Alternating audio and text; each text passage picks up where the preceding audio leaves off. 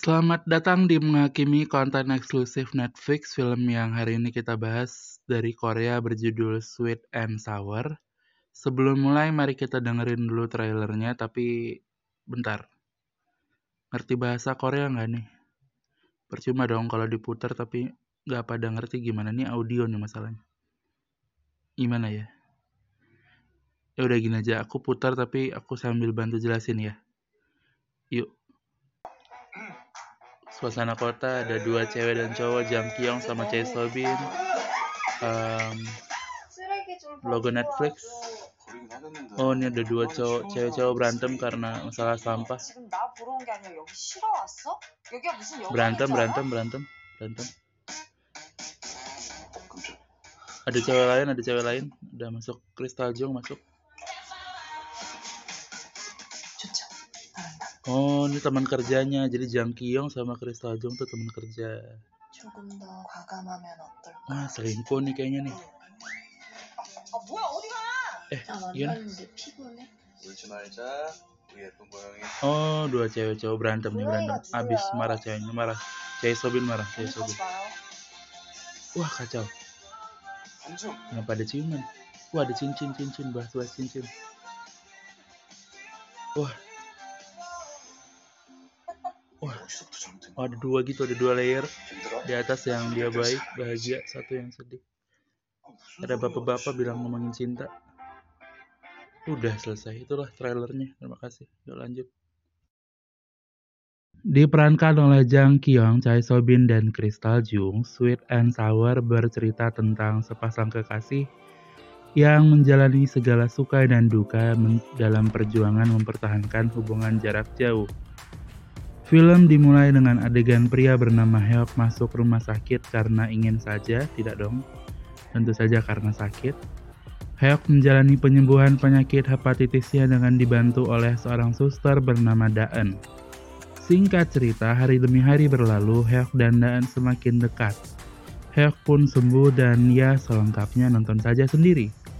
Sejujurnya bukan gak mau ngejelasin lebih lanjut, tapi seperti gosip yang beredar, film ini hampir bisa dikatakan membebankan semuanya pada plot twist besar di akhir. Jadi jangan ambil resiko dan segera tonton di Netflix.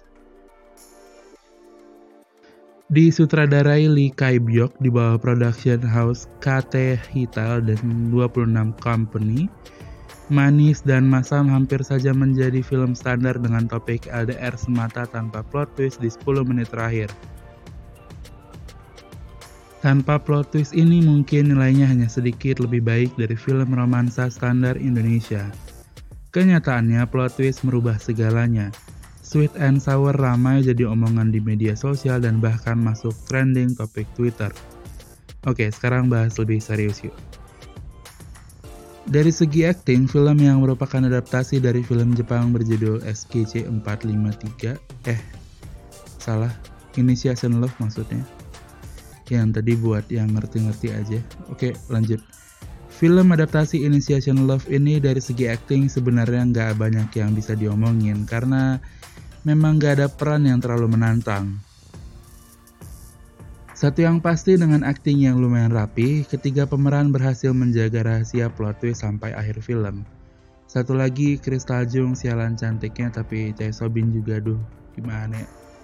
Bingung mau milih yang mana. Untuk segi teknis, warna yang disajikan lumayan menarik. Apa kata yang tepat ya? Metropolitan? Beberapa scene juga menarik karena berhasil menyajikan plot twist secara perlahan tanpa kita sadari. Terakhir, dari segi cerita, Sweet and Sour berhasil membuat terkagum-kagum dengan 10 menit terakhir film. Tanpa plot twist, Sweet and Sour hanya bercerita tentang jiwa-jiwa LDR semata. Sebagai penutup, tontonlah Sweet and Sour untuk memenuhi kebutuhan akan film dengan plot twist yang bagus. 3,75 dari 5 untuk Manis dan Masa menghubungkan Hyuk dan Daen.